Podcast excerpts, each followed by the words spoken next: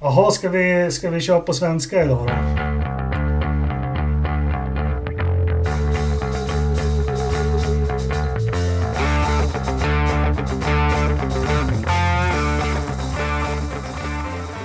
Hjärtligt välkomna till 185 avsnittet av Forsa-podden med Anders Lövström.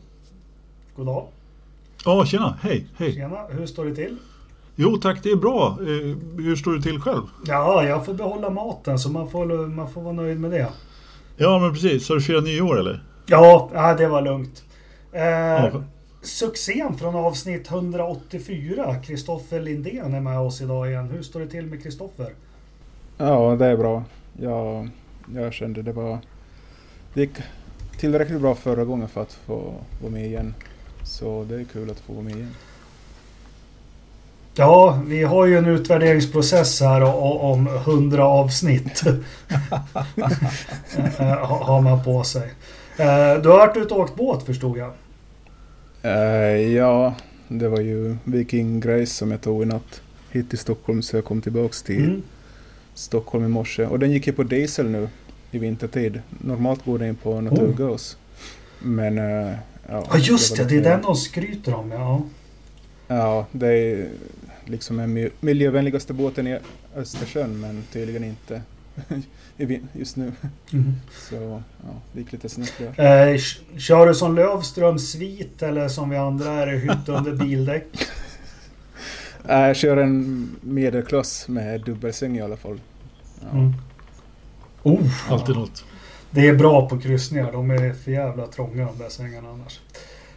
Ja men vad bra, då är vi samlade i alla fall. Eh, vad ska vi köra idag? Ja, jag tänkte att ja, dels ska vi gå igenom om det har kommit några nyheter eller någonting som är värt att snappa upp. Sen tänkte jag att vi skulle försöka prata lite om de nya bilarna som är i ropet och särskilt när Mercedes släppte någon mörk bild på det som de ville få folk att tro var 2022 års Formel 1-bil. Och sen har vi väl lite Dakar va, ska vi väl nämna någonting om kan vi göra, absolut. Ja. Och sen så har vi en liten eh, iRacing-avsnitt på slutet eh, Ja. igen då. då. Mm. Mm. Och när Anders säger ett litet iRacing-avsnitt så är det väl, vad var det, 95 minuter? Nej, inte riktigt. Men det var lite längre än vanligt eh, den här veckan. Vi pratar, eh, vi, pr- vi pratar AI-racing, det vill säga när man, när man kör mot datorn. Då, eh, man, vilket man kan göra i iRacing. Både, man, kan köra, man kan liksom köra flera stycken och sen lägga till AI-förare, vilket är rätt spännande. Och sen så pratar vi lite om det gröna helvetet. Mm? Grödinge eller? Man skulle kunna tro det, men vi tänkte i racingsammanhang så brukar man kalla Nordslingan för det. Ja, ja, men vi kör igång då. Vi, vi börjar med journalisten. Vår vän från öst, får man säga så. Är det någonting du har snappat upp senaste veckan inom, ja, vi, säger inom Formel 1 främst då, som är värt att nämna? Ja, här idag läste jag bara för någon timme sedan att eh, eh, Mercedes kommer bryta med sina sponsorer Epson och Bose efter åtta års samarbete. Så det verkar som det här Wolf får hitta nya headset att slå sönder. Att, ja, jag vet inte om... Ja, Jaha ja. Eh, någon anledning eller eh, är det bara Nej, jag har inte sett desto mer de, än att eh, de liksom har valt att gå vidare utan dem. Så Det- de kommer väl ta in någon ny småningom. Det är ju lite den tiden nu av säsongen när eh, kontrakten går ut och nya sponsorplatser blir möjliga. Mm. Eh, jag tänker Epson, då tänker jag alltid på, stod det inte det på Sean Alesis Tyrell? Jo, Jo, stämmer bra. ja, De har varit med väldigt länge. ja. Eh, ja. Vad är det de pysslar med Epson? Skrivare va? Sk- Skrivare, ja just det. Så är det. Det är, de kanske gör mycket annat också men det är det som jag förknippar dem med i alla fall. Ja, jag är Ja. så otroligt glad att alla de här som tillverkar skrivare, alltså du köper någon sån här koloss för ja, en halv miljon kostar den där klass, eh, li- lilla plastbiten. Tänk om de byggde flygplan. Fan, de, de funkar ju aldrig. Nej, de skulle ramla ner direkt. Ja. Uh, Okej, Bose då, då, det är också intressant. Få se vad de kommer... Det är mycket hörlurar och grejer som behöver bytas ut nu. Ja, Ja, verkligen. Och eh, Bose har ju också varit en ganska profilerad sponsor så det, var, det är intressant. De sponsrade ju eh, bland annat den här podden eh, Beyond the Grid ganska ordentligt Mm. förra året och lite sånt där. Så att, ja, det är lite pengar som försvinner från Formel 1 men det kanske kommer nya. Ja. Mercedes är ändå... Mm. Är det inga andra nyheter om någon... Ursäkta? Ja, jag tänkte bara nämna att Mercedes är kanske... Har ju... De har ju inte svårt för att hitta nya sponsorer skulle jag tänka mig. De är ju ändå världsmästare fortfarande. Så... Men eh, det gäller ju att hitta något som liksom gynnar båda parter så att säga. Så, Ja men så är det.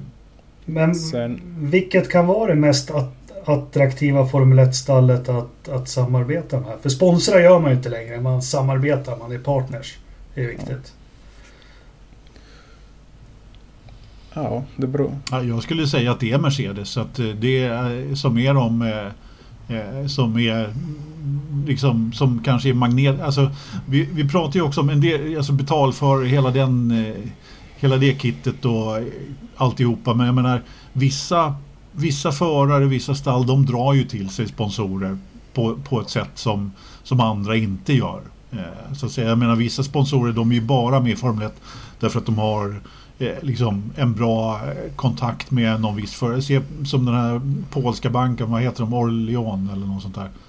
Eh, något i den stilen liksom. De är ju bara med och sponsrar eh, Alfa Romeo för att eh, Kubica eh, för att de har bra kontakt med Kubica. De, de kanske har någon verksamhet utanför Polen men det är ju trots allt ett väldigt inhemskt bolag. Så att, Ja. Jag tänker ju där med Bose igen att eh, Lewis Hamilton hade väl någon egen liksom Lewis Hamilton edition av ett headset. Så jag tror ju Mm. nästan vem som helst som är konkurrent till Bose vill ju gärna ha en Lewis Hamilton headset. Så jag tror det inte blir något om han fortsätter. Om man fortsätter. Men du, jag tänkte du som har lite kontakt. Eh, Valtteri vad, Bottas, vad har han haft för backning med sig från Finland? Jag, jag har någonting på näthinnan som följer med honom jämt. Men Uh, största sponsorn var ju Kempi, om ni känner till det. Det är ju det här svets... Svets trådsmaskinsföretaget, är väl deras huvudsakliga bransch. mm. Och de, eh, jag kan ju dra historien om hur, det, hur han blev sponsrad av Kempi. Det var Kempis... absolut. Kul. Jag är Ja. lite bekant med Kempis uh, VD, Ansi Rantasalo, som... När han blev VD så han var intresserad av motorsport personligen också, så han... eh, han, han satte fram att de ska börja sponsra en junior inom motorsporten i Finland. Och den första de valde var en kartingkille som inte lyckades uppnå de målen som de hade satt för honom. Jag tror han var med två, tre år. Men sen fick Valtteri Bottas pappa nys om att han kommer inte få fortsatt backning av Kempi. Så där hoppade... Där lyckades hans, Valtteris pappa då sälja in honom. Och grejen var den att när de skrev kontraktet så skrev de liksom vilken summa Valtteri ska få. Och sen vilken målsättning för varje säsong, liksom Formel Renault, så ska du komma på den här positionen. Och ända upp till GP3. Så, och han lyckades nå alla de här målen. Och sen när han vann GP3 så, så ringde Williams och sa att han får bli testförare åt dem. Så Kempi var med Mm. hela vägen in till Formel 1. Och ja, redan där Okej. såg man att Bottas jobbade väldigt målmedvetet. Att han lyckades göra de rätta stegen för att få tillräckligt med backning ända upp till Mm. F1. Mm. Och det var väl några fler finska företag som eh, hoppade på där. Eh, jag har något på näthinnan som är Vihurri va? Ja, de? Ja, det är de jag tänker på. Viuri, ja. Vad är det för något? Vihori de ger ju... Ja, det är inom bygg och metallbranschen, om jag minns det hela rätt. Mm, Ganska framgångsrikt företag. Ja, men det är så jävla... Ändå, det är så härligt alltså. Jag, jag gillar ju finnar. Det är ingen jävla kladd med något telekombolag eller skit. Utan det är svets och metall som sponsrar. alltså det, det känns så rätt. Ja. Men jag tänker på det här med sponsring också förr i tiden. Man, man saknar Eddie Jordan. Ja, jo men ändå läser böcker och historia om honom. Jag kommer ihåg Repsol. Sponsrar ju Jordan från, var det 98 tror jag de klev in. Oljebolaget ja. Ja. Sen försökte han 99 där, ja men det var väl lite fnurra på tråden så han försökte övertyga dem att Heinz Harald Frentzen var spansk. För att hans mormor eller någonting är från, alltså på riktigt alltså nu tar vi in Frentzen här, ni får betala hans lön för han, han är ju fransman.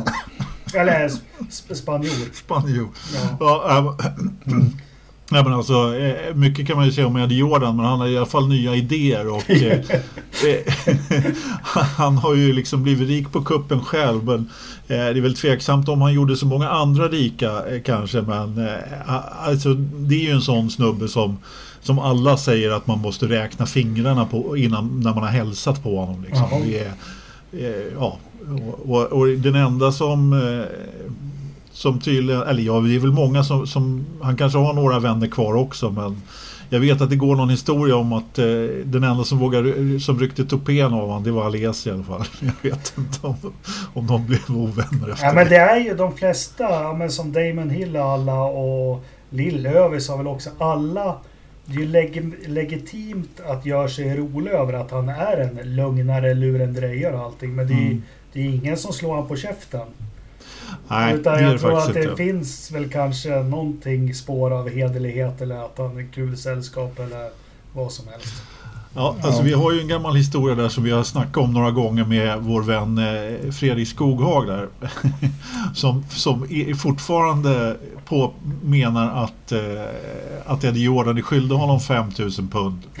eh, och det, det, det, det bottnar ju i då att han körde för Eddie Jordan i om det var, for, jag kommer inte ihåg klassen nu, en lägre formelklass i alla fall. Och eh, här Skoghag gjorde sig skyldig till lite regelbrott och eh, blev tvungen att betala böter till eh, eh, det brittiska motorsportförbundet.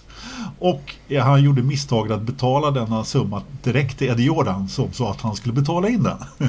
Vilket han inte gjorde. Så herr Skoghag fick betala summan två gånger. Så han skar inte emellan lite, han skar emellan allt. Vadå, skulle jag betala? Det har jag inte hört talas om. Ja, så var det med det i alla fall. Ja men det, det är väl tur att en sån människa som Eddie Jordan fick växa upp innan det här med bokstavsdiagnoser kom. För han har nog många alf eller ja, bokstäver i alfabetet. Ja.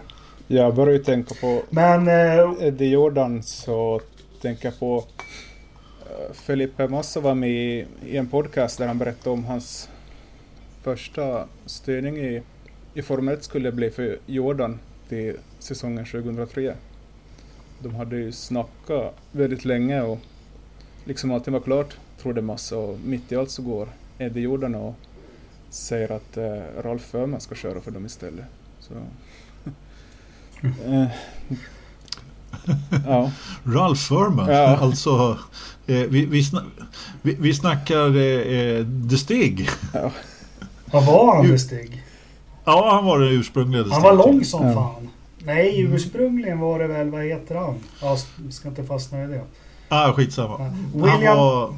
Ja, förlåt. William Story, Story, Story, Rich Energy la ut en tweet igår. Eller Jaha. förrgår eller någonting. Men där var det hashtag F1 2022. Och lite Okej. annat också. Så eh, ska vi ta den? Vill, är det Mercedes som kommer att ha Rich Energy på bilarna eller Nej, vad tror vi där?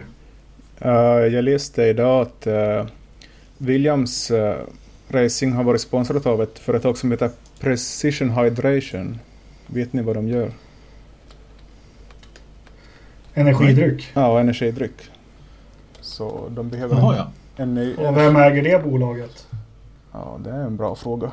Ja, jag har inte ens märkt att det namnet står på bilen faktiskt, så de måste ha en ganska liten logga. Antagligen. Mm. Men eh, ja, Ja, nej men det är också... där finns ju en plats för... Fast det här det... Det var ju mer spännande förr det här på tal om nya bilar och sånt där med liveries. Nu, nu är det ju så mycket småsponsorer på alla bilar och sånt. Men jag kommer ihåg när man var lite yngre så man såg fram emot eh, när bilarna presenterades mycket med ja, liveryn och sponsorer och sånt. Och jag glömmer ju aldrig när McLaren och de presenterade ju en orange bil 97 men när de gick över från Marlboro till West-reklam. Det var, ja, men det var omtumlande. Ja, eh, det var det verkligen. En helt ny, men eh, samtidigt så om man har varit med ett tag så visar det sig att McLaren de har ju faktiskt ändrat färg ett par gånger nu här under min livstid. Eh, sådär, liksom. Det var först eh, för, för, först gulvitt och rödvitt och sen så blev det den här silverfärgen som de i och för sig med vissa eh, modifikationer körde väldigt länge och så nu har man ju bytt helt och hållet. Ja, men de hade ju först, då levde ju inte jag. För när jag föddes så var det ju med Marlboro. Men får inte glömma Yardley McLaren. Just det. Eh, fram till 73 tror jag det var. Sen var det väl Fittipaldi av någon anledning som tog med sig Marlboro. Fast han var JPS-sponsrad i Lotus. Det var han som fick Marlboro till, till McLaren 74. Och sen körde Jaha. de ihop till 96 och sen blev det West. Minnes... Ja, eh, jag, jag kan faktiskt inte de här cigarettmärkena och vilket eh, tobaksbolag de tillhör. Men eh, GPS var inte, det var inte Philip Morris då. För Philip Morris är Nej. Marlboro då. Ja. Så. Mm. Eh, ja, jag kommer inte ihåg JPS. Men uh, vad fan, vi skulle ju vilja sett en gul Blend Formel 1-bil på 80-talet. Ja, men eller hur? Eller Ja. hur? Det vore ju helt fantastiskt. Alltså, jag eh, har ju haft fel förut i den här podden, bland annat eh, alldeles nyss med Stig. Eh, Det var ju inte alls... Eh, det var ju... Det var ju en, det, var- det, det var inte alls Ralf Förman. Jag vet inte var, varifrån jag fick det. Jag, jag tänkte ju på, på eh, den här första Per, McCartney. Han var ju också... Hade ju också lite Formel 1-erfarenhet. Så Nu Ja. går vi vidare. Nu går vi vidare. Hörni, nya bilarna. Det börjar publiceras lite bilder och snackas mer och mer. Och det, är, det är alltid jättespännande med nya och såna här stora ändringar i reglementet på något vis. Och jag har börjat fundera och eh, försökt skapa mig en, en egen uppfattning kring vad jag ska tycka och tänka kring de här bilarna. Men vi börjar väl med. Vad, vad, vad har ni för förväntningar och vad tycker ni? Är de snygga, fula? Kommer de bli raciga? Och, ja.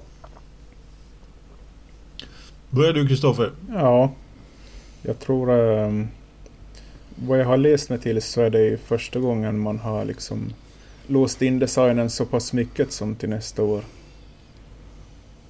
Och vad var det, 174 sidor det tekniska reglementet består av för nästa år. Jag bläddrar igenom den ganska snabbt.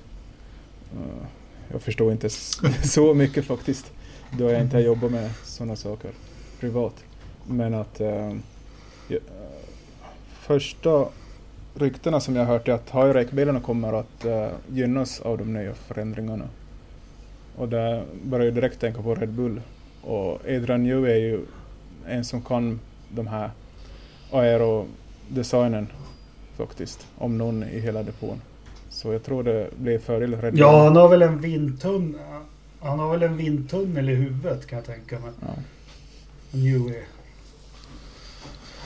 Ja, han är i alla fall sjukt grym på det där med aerodynamik. Eh, de andra har ju varit, alltså Mercedes har ju fått till sin bil väldigt bra och passar på väldigt många olika ställen och det har ju kanske inte high-rake-bilen gjort men om det här reglementet eh, gynnar high-rake-bilarna så eh, ja, det låter ju intressant.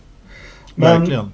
Men jag tänker så här, det, det man pratar om reglementet. Och jag snappade upp någonstans och tänkte på det att det är inte jättemånga personer. Det är Ross Braun, Pat Symonds och så är det väl några till som har gjort det här reglementet. Mm.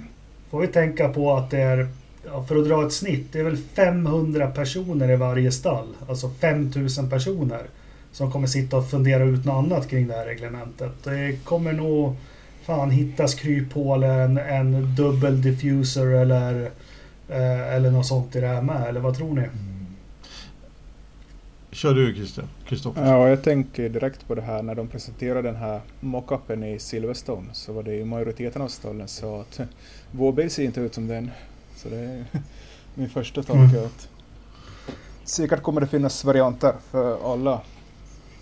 Och sen blir det ju liksom Mm. en kapprustning om vem som kan kopiera någon annans. Vem som har lyckats bäst och så. Ja, det där...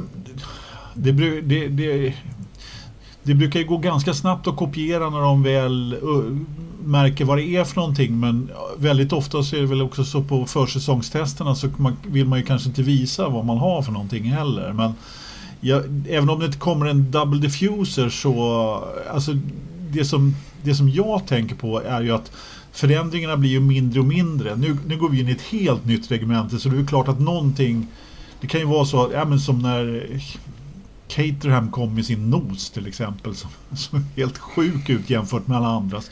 Nu var ju inte det någon revolution direkt och de, det var ingen som tog efter heller men eh, precis som du säger så har de ju låst in designen mycket mer och eh, bland annat så kommer de ju alla köra med såna här navkapslar eller hjul, vad heter det? Mm. Men vi, Skydd för hjulen.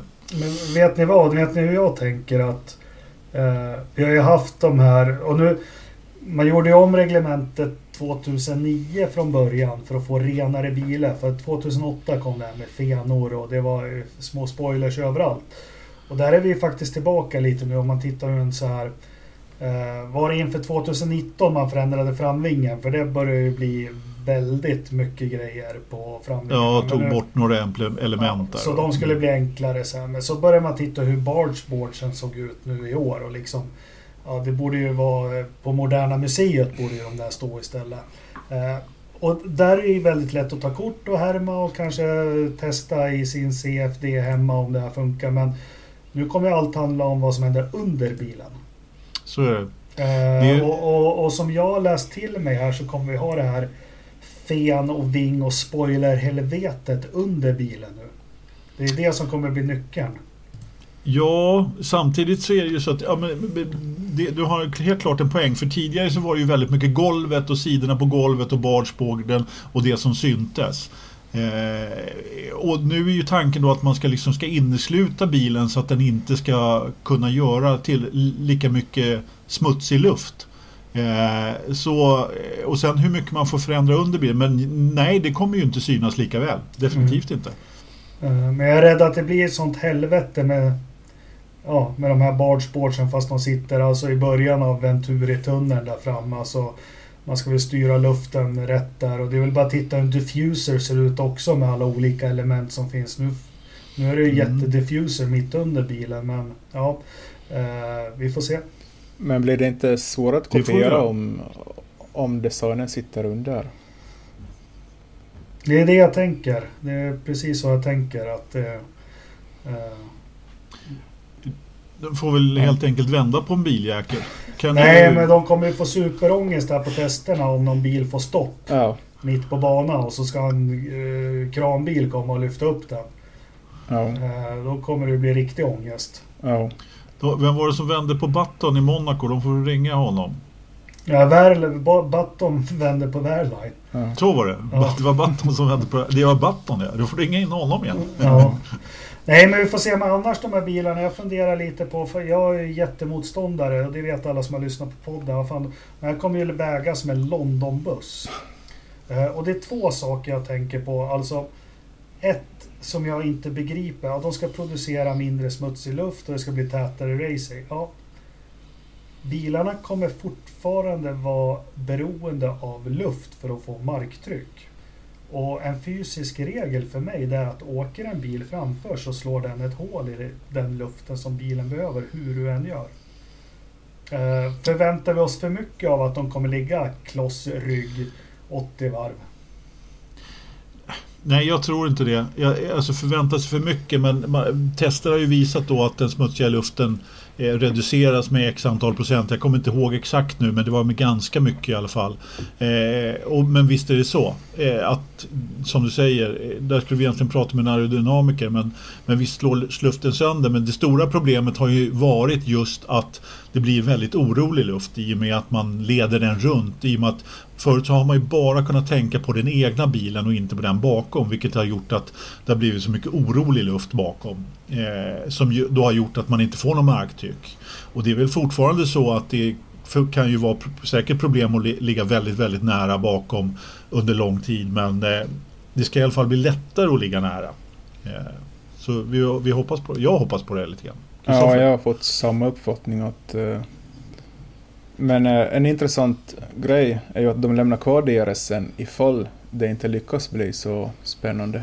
Det tycker jag är väldigt Ja. vågat av Ross Brown att liksom, ja men vi lämnar kvar DRSen att ifall det vi har forskat fram nu i hur länge de har jobbat på det, kanske tre, fyra år. Om det inte lyckas så får vi ändå köra med DRS. så det känns lite, ja. Men där har jag mycket att säga. Jag, alltså, ska man nu ha den här helvetes jäkla DRSen. Om det nu ändå måste vara. Jag, jag tror jag sa för 150 avsnitt sen. Ändra regeln då. Du får använda DRS på 3-4 ställen på banan tills du är en sekund bakom den du jagar. Sen får du inte använda DRS. Mm. Så vi slipper de här förbikörningarna. ja. Eh, Det skulle vara en jättebra regeländring. eh, Tycker jag. Om man nu ska hålla på med DRS. Är du fem sekunder ifrån, ja men då får du använda DRS på de här tre ställena tills du är en sekund ifrån. Eh, Man testar med sprintrace och sånt. Varför kunde man inte testat något lopp utan DRS? Vad sett hur det skulle bli? Ja, där håller jag med dig. Eh, jag är ingen heller fan av eh, DRS. Och skulle gärna se att de testade utan just på sprintloppen faktiskt. Mm. Det tycker jag är en bra idé. ja, Ja, och det är lika, vi har ju varit in, inne på det med Indycar också att ja, men det är ju, man kan ju säga att de också använder sig av det här push to pass men eh, att det blir artificiellt på något vis men det kan ju du använda och försvara dig med också. Eh, och, och, och den egenskapen saknar jag med DRS. Eh, Kristoffer. Ja, jag tänker på samma sak att eh, till exempel Hamilton hade jättestor nytta av DRSen i Brasiliens GP. Där var det ju, jag tror inte han skulle haft så bra fart om inte de skulle haft DRS i det loppet. Plus det är en jättebra motor Mm. också men man har ju sett många gånger att det blir ju mer som ett möte än en omkörning för just toppstallen när de ska ta sig om och det finns ju inte samma möjligheter att försvara sig. Så där har man ju nytt att se på just att få in mer möjligheter att försvara sig, speciellt de mindre stallen som vill slåss om sina positioner. Men jag ser mycket hellre under ett lopp, men nu är jag en gammal purist och, och tråkig grå gubbe. Istället för att se 80 förbikörningar under ett lopp på startmålrakan i, vi säger Ungern. Så ser jag hellre bara en omkörning i inbromsningen i kurva 1 eller något sånt. Mycket hellre. Jag vet inte, vad tycker ni? Nej, men jag, jag tycker precis likadant. Eh, att jag ser hellre färre omkörningar men eh, inom citat eh, riktiga omkörningar då och inte deras förbisläppningar. Eh, jag tycker att DRSens tid är förbi och att vi ska ta bort den. Kristoffer? Ja, Ja, jag håller väl med. Jag minns ju, man har ju sina rekordår där 2014 till 16 där det gjordes mest omkörningar per säsong. Det var något av de åren. Men att jag, jag har ingen minnesbild av att något lopp var jätte... Det var liksom inga jättebra omkörningar. Det var många omkörningar visst, men det var ingen sån här som man kommer ihåg liksom när Ricciardo liksom laddade långt bakifrån och skickade den på posten som man brukar tala om. Det är ju sådana man vill se. Man vill inte se de här Nej. billiga omkörningarna. Nej, jag håller med. Och det är, direkt när jag tänker på omkörning tyvärr, då tänker jag på Europas Grand Prix 95 när Alesi gör ett storlopp. När Schumacher kör om honom näst sista varv i chikanen. Eh, liksom Ja. Får verkligen planera den, slita för den och, och ja, allt det där. Typisk, typisk DRS-omkörning. Ja, ja precis. Ja, men vi, vi tänker, skulle det ha varit ett DRS då skulle ju han bara vänta till startmålrakan och så ja, kört förbi honom. Så, Fa fanskapet fyller tydligen år idag också. Ska. ja, Alesi. Nej, Alesi han fyller år i juni. Mm. Schumacher. Ja, 3 januari 69 är han född va? Ja. Ja. Ja, vi hoppas han, nej, inte jag mig rolig, men ja, att han är vid hälsa. Men det är han inte. Men shit. 52 Vad år. blir han? 50... 52? 53. 52 ja. Nej, Precis. 53. 53. Kan inte räkna. 53. 53. Ja, jag hoppas. Jag har inga mer nyheter om honom alls va? Det är helt tyst. Jag hörde Nej, ju... jag inte hört något Men bor han på Mallis eller vart, vart... Det är ett jäkla flyttande i alla fall. Jag hörde ju de gjorde den här dokumentären för att få in dem... Få in lite mer slantar att det kostar ju flera miljoner i veckan att hålla honom vid liv. Så de har ju sålt av det mesta av Mm. egorna. Så eh, får se om inte Schumacher, Mick Schumacher blir världsmästare snart så får de väl börja steppa ner hans överlevnadsmaskiner. För jag tror inte han lever liksom Ja, eller, på, på egen, egna krafter. nej, inte det. Sen är det väl en otroligt stor vårdapparat. Alltså, Mm. en annan som har upplevt, inte själv, men anhörig. Alltså, är du en intensivvårdspatient och, och man sitter och tittar där. Det är lite personal och- runt en sån människa dygnet runt. Ja, oh ja, och ska du driva det där privat själv så det, att ha en hel vårdapparat så kostar det nog lite definitivt. Men det är lugnt. Anders swishar in en födelsedagsslant här nu som täcker ett år till. Eller hur? Ja, fick en liten slant över. Grattis Mikael Schumacher. Eh, hoppas, ja, hoppas att det vänder åt rätt håll. En annan sak med de här nya bilarna när jag försöker läsa och återigen, eh, det är större däck, 18 tums hjul va? Eh, bara de väger väl 15 kilo mer än de gamla däcken. Eh, läste lite rapporter att man testar de här däcken i, efter säsongen här och förarna var nöjda med dem. Sen Alltså- testar man det, 18 tummarna. Fälgarna 18 tum. Ja, däcken är. Dä- Däcken är samma diameter om jag Mm. är rätt underrättad. Och det är fälgarna som har växt från 14 till 18. Fortsätt. 13 var de väl förr i tiden? Var de 13? Ja. Ja, skitsamma, men man var... Bilarna blir ju tyngre som jag sagt och det blir annorlunda så de måste ju ha ett stabilare däck. Men förarna tyckte på de här mockup bilarna de har, har använt att däcken känns bra. Det är väl Gasly läste jag att han tycker det är lite svårt med den här skärmen och de större däcken att pricka Apex, men det är väl en vanlig sak. Så är det. Eh, Men jag tänker direkt, de, de kommer väga 800 kilo de här jävla bilarna. Det är hemskt. Eh, Hur fasen kommer det här se ut på alltså Monaco, Ungern? Har vi någon mer lite långsam knixig? Singapore lite. De kommer liksom bara understyra som jävla myrslokar runt i de här långsamma kurvorna. Det kommer se för jävligt ut. Ja, är det någonting som är tråkigt? Det är väl därför Kimi slutar kanske. Ja. Han gillar ju överstyrt. Eh, Nej men det, jag håller med. Eh, vi får väl se hur, hur, hur egentligen de kommer att uppträda. Men det finns ju inget så tråkigt som en bil som plogar in i svängarna faktiskt. Ja men det kommer de här göra i låg fart. Det är liksom... Ja, dels har de ju tagit bort det här finurliga med styrvinkeln som stallen har ut. Har du mycket rattutslag så sänker du bilen och får lite nos. Och där har de också gjort några reglementer och sånt. Sen just en sån här tung bil i långsamma eller medellångsamma kurvor. Det kommer se Mm. bedrövligt ut tror jag. ja vi får se. Mm. De kommer ju vara snabba i alla fall. Men vad säger vi om bilarna? Fågel eller fisk?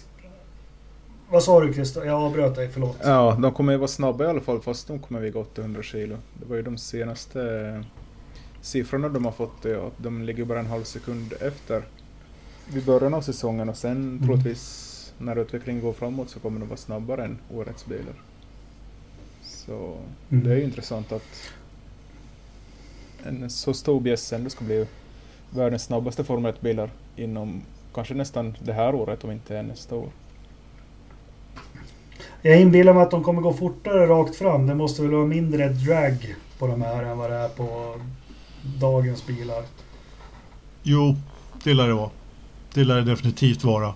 Sen eh, hur mycket det är eh, i snabba kurvor och så vidare. Men eh, det är nog en kombination där helt klart. Ja, men Det de, se. var det, hjälp mig nu, var det Perez? Skit i samma vem det var som har kört i simulatorn. Och simulator är ju simulator, men de får väl någon slags bild av det. Men Klart de eh, får.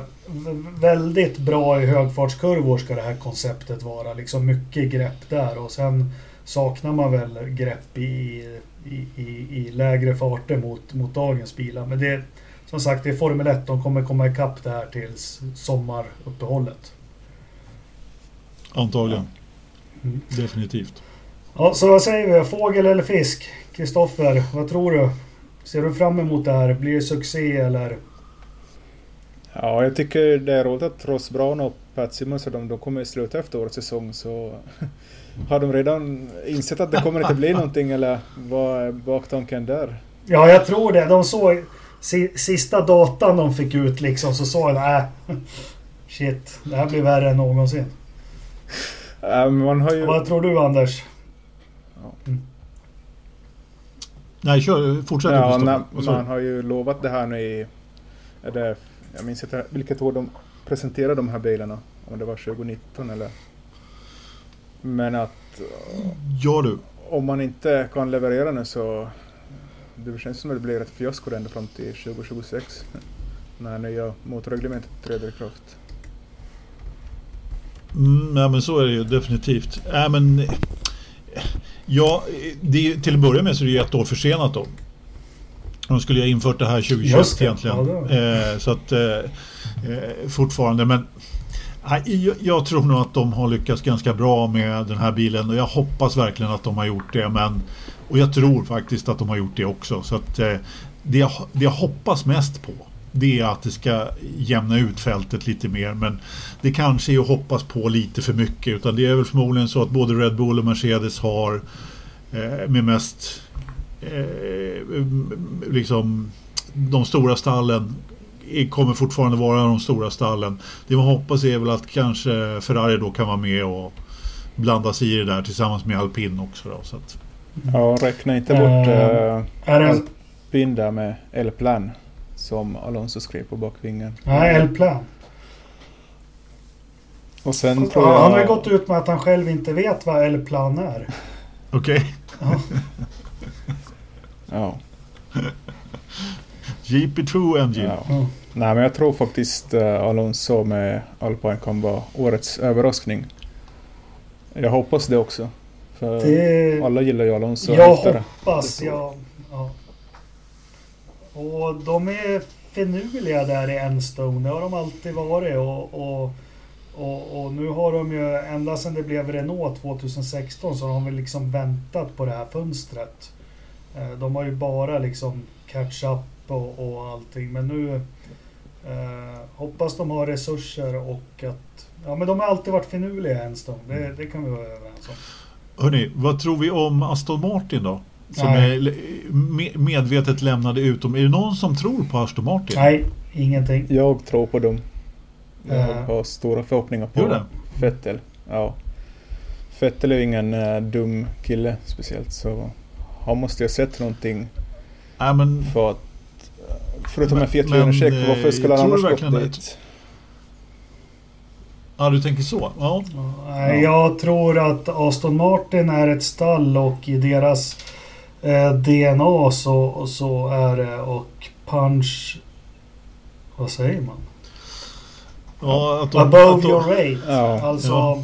de ska ha sin lilla skokartong där nära Silverstone och, och komma på finurliga saker. Det är liksom från Jordan till eh, Force India har det varit så. Men nu, nu har det liksom blivit... De har skalat upp det för mycket. Då tror jag att man blir av med det här finurliga. Mm. Men du, på tal om det. Jag måste bara säga, vi skrev, det här är absolut ingen, nu ska inte jag vara grabbig eller någonting, men Sebastian Vettel. Eh, eh, jag måste bara, jag tittar på lite så här, ja, det är klart man kan tappa hår och allting, men går han igenom någonting? Är han sjuk eller är han, är det, nå, det är något som ser märkligt ut med Vettel? Det var ju årets comeback, eller årets Är det- comeback ska man väl kalla det. Ja, men han börjar få eh, konstiga former på kroppen också. Liksom. Ja, men nu blev det grabbigt. Men jag har bara reagerat på ett jättemånga bilder. Alltså han... Känns som att han har tappat allt testosteron. Ja, det är möjligt. Jag tror Ja. inte riktigt på det, men jag tror att det är något annat. Men Jag får kolla Men närmare det när han kommer till P2. Ja, ja. gör du det? Ett, eh, eh, en okulär besiktning. Ja. Nej, jag har varit bara orolig för att om, om han är alltså sjuk på något vis. Eh, man kan ju vara sjuk men fått någon diagnos att vara fullt fungerande. Men jag satt och började bläddra lite så här bilder. eh, Ja, tre år tillbaka och titta. Och, ja, han blir ju äldre han också men han blir det på ett litet annat sätt än alla andra vältränade Formel 1-schaffisar. Skit i det. Det var ett sidospår. Ber om ursäkt för det. Eh, men då bestämmer vi att nya bilen det blir en fågel och vi ser fram emot nya säsongen och vi avslutar den diskussionen genom att fråga är den snygg? Kommer det bli snygga bilar? Jag skulle säga så här, den är i alla fall inte fulare eller vad man har sett tidigt, om, om man ska döma av mockupen då som det vi har sett hittills och det, eh, ja, eh, nu säger de ju att den kanske inte kommer att likna det men då skulle jag säga att den, den blir i alla fall inte fulare än eh, de tidigare årets bilar. Vad säger du Kristoffer? Ja, jag är inte helt nöjd med hur mockupen ser ut. Den ser lite... Jag får ju känslan direkt av en Indycar när jag ser mockupen. Men jag hoppas ju att de stallen lyckas hitta på något finurligt så den ser mer sportigare ut och inte lika klumpig ut som mockupen. Mm. Uh, håller med dig. Den, den ser ju modern ut. Uh, så kan vi säga. Men uh, jag har... Det känns som väldigt mycket mer Indycar-DNA i designen än Formel 1-DNA. Ja men det är bra, då kan du köra in en däckstrav utan att behöva byta framvingar. Ja det får vi hoppas på. När gjordes de snyggaste Formel 1-bilarna? Vilket decennium eller vilken epok? Ja. Det finns ju så många olika vad säger du Jag gillar ju 2005 Kimi Räikkönens med den här djävulszonen. Det är en favorit. Mm. Och sen uh, Mika Häkkinens också Djävulsson. som är ganska simpel design och ganska liten bil men ändå jäkligt snabb. Var det 98ans McLaren? Mm. Ja, du har säkert många förslag Jakob. Nej, men jag romantiserar mycket över 70-talet men eh, tänkte faktiskt på att innan podden mycket. Jag, jag landar i 91, 92. Ja. Eh, lätta bilar, breda. Eh, inte... Ja, de ser sjukt farliga och snabba. Uh, ja. Ja, jag är beredd att hålla med dig där på den moderna ena, helt klart. Eh, Ferraris 91 är ju en av mina absoluta favoritbilar faktiskt. Eh, men om man ska ta snyggaste överhuvudtaget så måste jag nästan säga precis innan vingarna. 66. Mm. Där någon mm. gång. Cigarrerna. Ja, cigarrkorvarna som mm. någon sa. Eh, det, det är mina absoluta favoriter faktiskt. Ja, ja, ja. Den jag här, respekterar allas men det... Jag gillar ju den här Nickelodeus från 82 också som är utan framvinge. Den ser ju lite mm. cool ut på sitt sätt. MP4 1. Ja, exakt. Revolutionerande bil från McLaren. Uh, men det var ju det, vi är tillbaka till det. Då hade de ju så sjukt mycket downforce under bilen i tunnlar med kjolar och allting. Så de behövde ju inte ens, de behövde ju inte ens framvingar. Det förstörde bara att ta in luften i Venturi-kanalen. Alltså. Mm. Ja, det... om, jag, om jag ska välja en bil så är det den här Eagle från 67. Som har någon slags high nose av något slag där. Den är, den, den är riktigt, riktigt snygg faktiskt. Mm. Ja, bra. Vi får lägga ut lite bilder sen. Ja, men ska vi stänga Formel 1-dörren nu och eh, eh, gå mot lite torrare breddgrader? För det körs ju rally och jag är inte alls uppdaterad på, på vad som eh, händer i Paris-Dakar säger jag fortfarande. Ja, Hur går det för Björn Valdegård? Dakar är ju namnet sedan många år. Mm. Jag kommer inte ens ihåg senaste gången om de, de startade från Paris men de gjorde ju faktiskt det i många år. Så skeppade de bilarna över till Afrika och började i Tanger där och eh, köra neråt. Jag har tyvärr inte följt jättemycket i år men eh, som tur är så har vi Kristoffer som har full koll på Dakar, eller hur? Hur går det för Björn? Björn? Björn? Vilken Björn? Valdegård. Kör han längre? Ni, han är död, ja. men han körde 93. Okej. Okay. Ja, ja, men det var ju hans... Det var ju en säker svensk rallyvinst. Det var ju när han körde Safari och ja. Paris-Dakar. Eller ja, Safari var han bra på, så var det. Mm. Skitsamma, vi lämnar över till Kristoffer. Berätta, hur ser det ut? Ja, jag tänkte bara nämna först mina första minnen av Dakar var just när de körde sista gången, Paris-Dakar 2001. När en Mitsubishi vann Sen efter det så blev det väl mera... Pajero. Ja. Efter det blev det mera blandat. Men i år så... Det nya för i år är ju att ingen kan ju planera navigeringen på förhand. Som ni kanske såg det här när ni ser i Nyhetsmorgon att alla får den digitalt numera en halvtimme före varje sträcka påbörjas. Och det här verkar ju råda bort alla ganska rejält. För det är ju... Vad det Ja. går så är det väl många av toppstallen som har yrat bort sig ganska långt in på sträckan. De, Ekström och Sainz var på picknick med en massa andra medtävlande. Jag såg bara en bild på, på motorcykelförare som stod och konfererade en fem, sex stycken mitt ute i ökningen och sen åkte de åt olika håll allihopa. Så att, eh, det, det har man ju sett tidigare naturligtvis men det är klart att just det här att man inte då kan planera roadbooken som de alltid fick eh, kvällen innan tidigare. Det, ja, det, det är tufft, verkligen. Ja. Ska vi sammanfatta de tre första dagarna så är det ju Nasser Al-Attiyah som ser ut att ha läget under kontroll. Med sin Toyota så har han vunnit eh, Ja, de två första När stagen. han, när han bara håller sig på vägen och alla fyra hjulen i marken så är ju karln fruktansvärt snabb och det här är ju verkligen hans gebit. Jag kommer ihåg att eh, Tina Turner var ju kartläsare åt honom ett år. Eh, nu ska vi se vilket år, ja spelar ingen roll vilket år. Och hon, hon, hon sa ju åt det att det var ju, sa ju till, sa ju det att eh, det enda hon pratade med honom om det var ju att han skulle lugna ner sig hela tiden.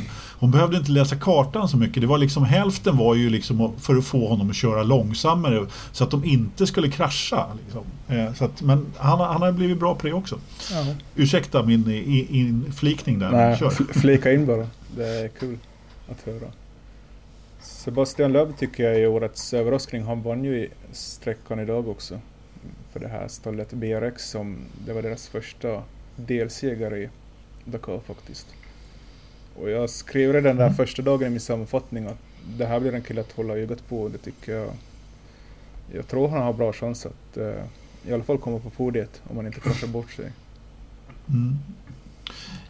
Ja men i och med att eh, Peter Hansel försvann också direkt så eh, försvann ju en stor konkurrent och dessutom Sainz är väl också borta i princip. Ja, ganska långt efter är han att det ju krävas ett mindre mirakel att han ska få tillbaka de där två timmarna han var ute på picknick på.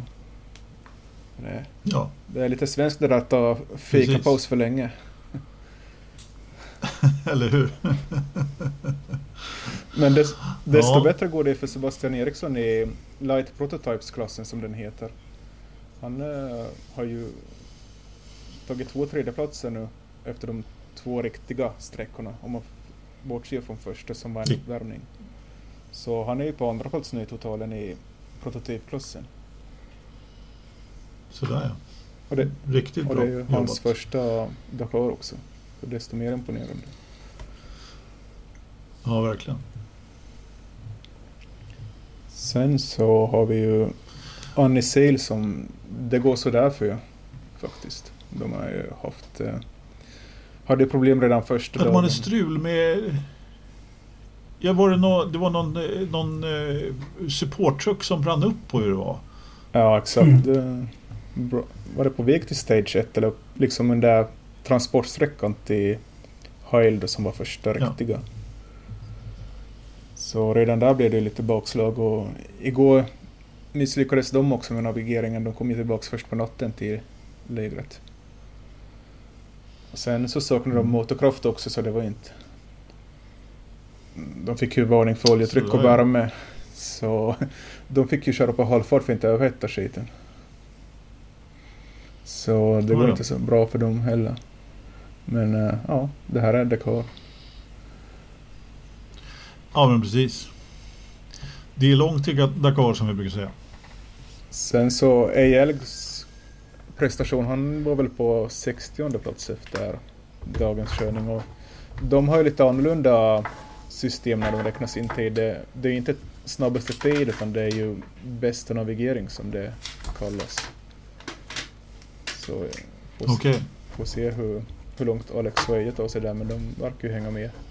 Utan desto mer mekaniska bekymmer. Ja, det är väl kanske inte, det är inte full fart eh, hela tiden där. Eller inte, inte riktigt samma full fart då med den typen utav... Eh, det, är väl, det är väl därför de har infört den där klassen också antar jag. Så att man inte ska behöva liksom fresta på materialet så, så pass hårt utan det, den är lite, lite, lite light så att säga. Ja, det är ju veteranbilar de kör så. Ja. Vad kör han för bil Eje då? Nissan Patrol och inte en Porsche som som man som eh, Alex L la upp på sin- Insta där första dagen så det gav lite fel bild av vad de körde. Okej. Ja, Nissan, Porsche, ja, ja. ja same same. Men vi får väl se hur det går för dem. Mm. Det är ju Fortsättning ja, följer. det är tio dagar kvar ännu att Ja. köra så det är en bit kvar. Absolut, absolut. Eh, Något jag funderar över, varför har aldrig Tintin kört Paris-Dakar? De hade inte Tintin, eller Tintin var inte uppföljd. Eh, Paris-Dakar första året 79. Tintin är ju från 40-talet. Jo men det, det körs ju bara på såna här ställen där han opererar mycket. Ja, jo, det är, det är helt rätt. Ja. Eh, eh, Men eh, Tintin var ju mycket i Afrika och körde en del. I Kongo framförallt. det vart inget Dakar för honom. Han var ju på månen också, det får vi inte glömma. Nej, absolut. Ja. Jaha, var vi klara med eh, rapporteringen om eh, eh, Dakarrallyt? Ja, än så länge. Det har ju bara gått två riktiga dagar om man säger så. Så vi kan ju ta mer i Mm. när vi har kommit lite längre in i. Vi kör mer näst... Precis. Eh, jag tänkte innan vi släpper iväg iRacing eh, avsnittet här och, och eh, ja, innan du Anders får fortsätta att googla på bilder på katter så ska vi väl avkräva dig en veckans Verstappen. Mig? Ja, Ja, absolut. Frida Karlsson. ja, ja, Det, det, jag ska förklara det också. Det har, Ja, jag har, jag, får jag göra det eller? ja, ja, ja, ja. Det jag lägger ju en ära i att alltid ha motorsportförstappnar. Eh, Du som kör med mopeder och ridderstolpe med allt möjligt och vad det är för någonting. Men det är faktiskt så att de här, det har ju varit Tour de, det, Tour de Ski pågår ju som, som bäst. Och eh, alltså de här skidåkarna de borde Pip titta lite mer på racing. Alltså de är så jäkla dåliga på spårval. Eh, vissa är jätteduktiga på det där men de är ytterst få. Och, alltså om de bara kunde ta lite bra beslut och spårval i utförsbackarna och, eh, så skulle de kunna ta flertalet platser. Jag menar Frida gör ju en kanonmiss liksom när hon går och hon gör ju liksom en Grosjean 2012 på, på spa. Den är bara bowling rätt upp och ner. Helt sanslös. Därför så får hon min förstappen. Den enda som är riktigt bra på spårval på skidor det var Stina Nilsson. Nu är det inte riktigt lika mycket spårval i skidskytte men hon var grym på det där. Hon hittar luckor som Senna. Tack Ja. för mig. Eh, Ja men det var, ja, tack för den. Jag, eh, skidsport, nu följer inte jag det som du gör men eh, ja, titta på racing. Sen har jag undrat i alla år varför har de inte börjat titta på cykling mer och mer. Ja, det är med. Det är ju ett helt jävla mirakel att de, de skulle kunna lära sig hur mycket som helst från cykelsporten. Men strunt i samma. Kristoffer, har du någon förstappen? Eh, ja, det får bli Hamilton igen. Jag läste idag att eh, den nya FIA-presidenten Mohammed Ben Sulayem har försökt ringa och smsa Hamilton men han svarar inte så han är fortfarande lite surig. så skärp dig Ha- Hamilton. Liksom man kan ju inte sura hur länge som helst. på. Ja. Ja, han presidenten har väl inte gjort honom något? Nej men han, han vill väl ändå Nej. snacka lite. Han är ju ändå nyvald och Hamilton är ändå Ja, en precis. profil. Ja. Ja, men jag tänkte Hamilton borde inte vara arg för honom, men jag blir också... Fan, han verkar ha tagit kamp från det som är viktigast av allt. Diversieringen i motorsport och, och, och knäböj och allt det där helvetet också. Han, ja, nu får han ut och visa sig tycker jag. Ja, har du någon eh, förstappen då? Ja. Nej, jag skiter i det idag. Okej. Eh, nej men regn och slask får det bli. Fy fan vad tråkigt. Okej. Eh, regnar som, som bara den. Det, Eh, det får väl bli den. Ales, är han ute ur buren nu eller? Ja, jo, jo då. Han är ute ur Ja, buren. det, det där ordnar sig. Jajamän, inga Ja. problem. Ja, inga problem. Ja. Eh, Jag kan väl rekommendera... Vi gör ju det ibland nu när vi är lite svältfödda på racing. Netflix har ju en serie om sån här sportfusk i olika former. Det är alltid från Juventus i fotboll. Men den här liraren i USA som, som smugglar lite cannabis. Det var inte så lite heller. Han brukade köra lasten med typ 500 ton. För att finansiera sin racingkarriär. Han har gått mig helt förbi. Men vilken lirare. Har ni sett den? Nej, Nej, Nej, inte- ni måste inte se ännu. den. Vilken lirare. Nej, vad heter den? åh, jag tappade ju namnet. Jag kunde det för en, en minut sedan. Du får fundera på det medan du drar vädret. Ja. Ja, men det, ja, vi ska dra det. Men det är ganska intressant. Han börjar, han gillar bilar och så. Och, och sen började han smuggla. Så han körde det här IMSA-mästerskapet. Eh, Finansierat med, med eh, Mariana smuggelpengar och slog eh, Porsche 1984. Sen tog han ju steget och körde Indycar och blev faktiskt årets rookie i Indy 500 med en tionde plats. Det är ju inte... eh, Nej, Då är man inte jättelångsam. Nej. Då kan man köra bil. Men han har gått mig helt förbi. Men han fick ju sitta inne från eh, 87 till kom ut där bara för några år sedan. Men det var, det var en häftig motordokumentär. Så eh, jag kommer inte ihåg vad serien heter på Netflix. Men eh, jag rekommenderar att titta på. Eh, häftigt. Sen ska man inte smuggla knark. Det är jättedumt. Randy Lanier, var det den? Ja, precis. Riggat spel heter den. Ja. Riggat spel heter det. Nej, men jag tyckte det var liksom för tiden också 80-talet. Jag gillar det där. Så här underbart. eh, eh, bra musik och Danger Zone och allt det. Får jag också dra ett tips här när vi ändå är igång? Ja, absolut. Ja, på vägen ner när jag körde till Åbo, tog jag en tre timmar så lyssnade på det här P3EDs dokumentär om Lewis Hamilton.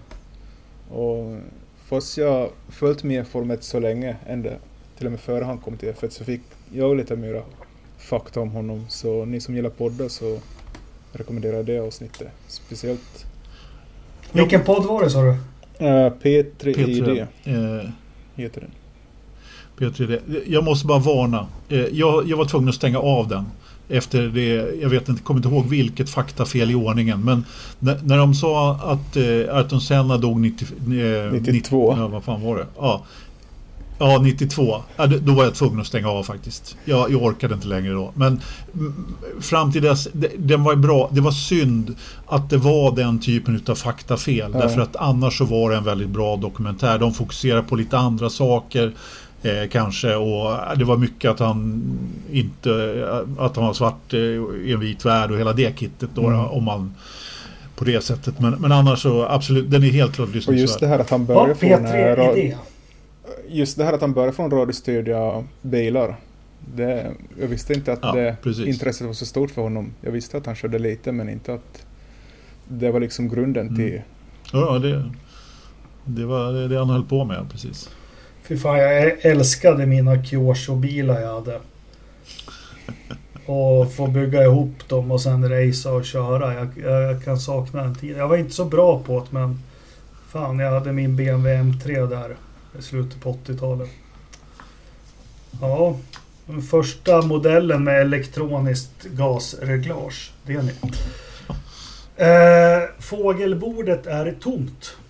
Är det så? Inte matat Skalberg, dem. Skalberg har ju varit där och skjutit av några. eh, det var ett snödjup som börjar närma sig halvmetern och eh, i kåtorna är det svintråkigt men det ser ut att... Väntar Ja. fortfarande på att se en Forsa-lyssnare i den här kameran men det verkar Ja. få vänta länge på det. Det verkar blåsa Ja. som bara den. 4,5 minusgrad. 95 procents fuktighet ute. Eh, vi har 21,6 i sovrummet och det snöar. Så vad är det för temp i datorförrådet? Ja, men, eh, jag brukar ju få skäll då för att jag tror att det har stabiliserats. Så jag får väl dra, dra till med någonting helt osannolikt den här veckan då. då. 5,7. Mm. Kristoffer? eh, det var ju 8,2 förra veckan så jag skulle säga 9,7 idag. Fan, du kommer in och dominerar. Det är 9,4. Du är så nära. Ja, sådär. Du är så nära. Så var det med det. Hörni, innan vi lämnar över till eh, Brohede och Lövström som snackar lite eh, iRacing så passar jag på att tacka alla lyssnare eh, för att ni lyssnar. Och tacka dig Kristoffer och tacka dig Anders för den här timmens pratstund. Och på återhörande om en vecka. Jajamän, ha det bra. Tack snälla. Hej. Ha det bra. Ja, välkomna till eh, Forza-poddens iRacing-avdelning. Jag tror att vi är inne på avsnitt tre eller någonting i den stilen. Välkommen Joakim eh, eh, JBS Brohede. Tack så mycket. Ja, då sitter vi här igen. Ja, men eller hur? Ha, har jag räknat rätt? Ja, jag får det också till tre så att eh, vi, vi får väl hoppas att vi är lika bra på att räkna. Det stämmer säkert. Ja, ja det låter bra det. Eh, vi har hunnit fira lite nyår och sådär. Eh, har du, eh, har, har, har du ny, nyårsfirandet gått lugnt tillväga? Ja, det har gått väldigt lugnt tillväga måste jag säga. Vi har varit nere i våran stuga ute på landet och sen så har vi varit och bland annat träffat lite föräldrar och lite sånt där. Så att eh, det, har varit väldigt lugnt. Men däremot ingen iRacing då för vi har ju inte fiber här nere. Stå, det, är, det är katastrof, måste jag säga. Riktigt dåligt. Du måste ju ordna. Ja, ja, vi får väl se till att masa oss hemåt till, till de civiliserade delarna igen då och se om vi kan, kan köra lite här Ja. senare i veckan. Ja, ja, jag får göra det. Jag har faktiskt kört lite grann i nyårshelgen. Jag har varit, eh, haft förmånen att ha haft lite semester så jag har faktiskt kunnat eh, prova på eh, och försökt att utveckla min eh, Ja, vad ska vi kalla det för? Min, min eh, i-rating har jag inte försökt utveckla utan eh, safety ratingen, den som gör att man eh, någon gång kan levla upp i det som eh, systemet som man har med eh, Med licenserna? Licensen? Ja. Ja, och jag, och jag precis, hörde att precis. din patenterade metod för att öka din safety rating var att köpa en ny bil.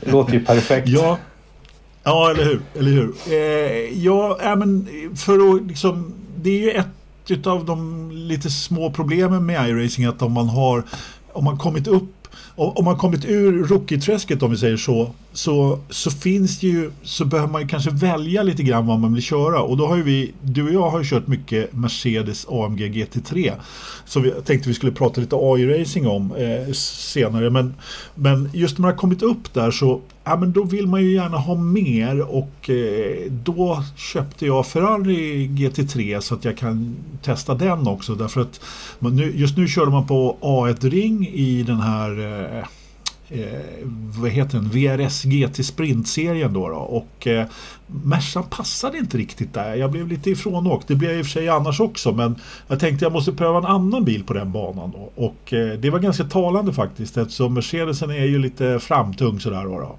Eh, så att eh, Ferrarin passade mycket bättre där. Där kan vi ju till och med då om vi då kommer in på det här med AI-racing att där kan vi ju ordna ett lopp kanske då, då testa att eh, jag kör Mercan och du kör Ferrarin för de tävlar ju ändå i samma klass så får vi se hur det, hur det funkar när vi kör mot varandra. Det var min baktanke att vi skulle göra det faktiskt. Så att, eh, ja, nej, men jag, jag körde några lopp där i den här klassen och, och försökte. Jag, jag, har, eh, jag har kommit så långt så jag kommit till B-licens. Och Rookie-licensen den, den kommer man kom, den kämpade åtminstone jag mig ur ganska kvickt. Eh, och sen så var det då så, att stiga i resten av graderna med, nu ska vi se, vad blir det, D och C-licens. Det gick ganska snabbt eh, så att säga. Det var bara att köra några lopp, eh, safety ratingen, inga problem. Men att ta sig från B till A, det har tagit en stund kan man lugnt säga. Det är samma här. Jag upplever precis samma sak. Att ta sig ur rocketräsket, det gick ganska kvickt. Eh, och sen blir det lite segare och segare men det borde egentligen inte vara det. Utan för min egen del tror jag det handlar, handlar ganska mycket om ambitionsnivån. Eh, jag är rätt nöjd med att ha bil. Det är klart det skulle vara roligt med A men det var så mycket andra aspekter med, med iRacing som jag har. Att prova bilar och banor och tävla och AI och de här bitarna som, som gör att jag har inte riktigt engagerat mig i, i att gå vidare i licens hierarkin då, då. Men jag ska väl kanske ta tag i det också för det kan ju vara kul att ha. Det öppnar ju nya klasser för som man kan delta i då, som, som, är, som är spärrade ju nu när man ba, bara har B-licens. Ja men precis. Eh, och det är ju lite det som för oss in på dagens eh, eh samtalsämne då, AI-racing och kanske anledningen till att både du och jag då har fastnat där lite grann är ju att eh, så fort jag kör så frågar jag dig, vill du köra? Och då säger du oftast ja. Och sen så kör vi och då kör vi inte eh, så ofta i någon officiell eh, tävling utan vi kör AI-racing ofta det händer väl att vi hoppar in på en träning om det passar någonstans och kör mot varandra sådär. Men, men det är det här som är lite grejen att är det en officiell serie då räknar man iRacing poäng och Safety Rating poäng. Vill man vara utanför det där eh, ja, på träningar så räknas det inte heller. Men sen kan man ju köra då separat på en bana. Men då har man så att säga, det är ganska nytt påfund då kommit på det här med AI-racing då. Att man kan köra mot andra eh, så att säga bottar. ja, och eh, där, där, där, har man utvecklat ganska bra måste jag säga. Eh, vad, va, vad säger du?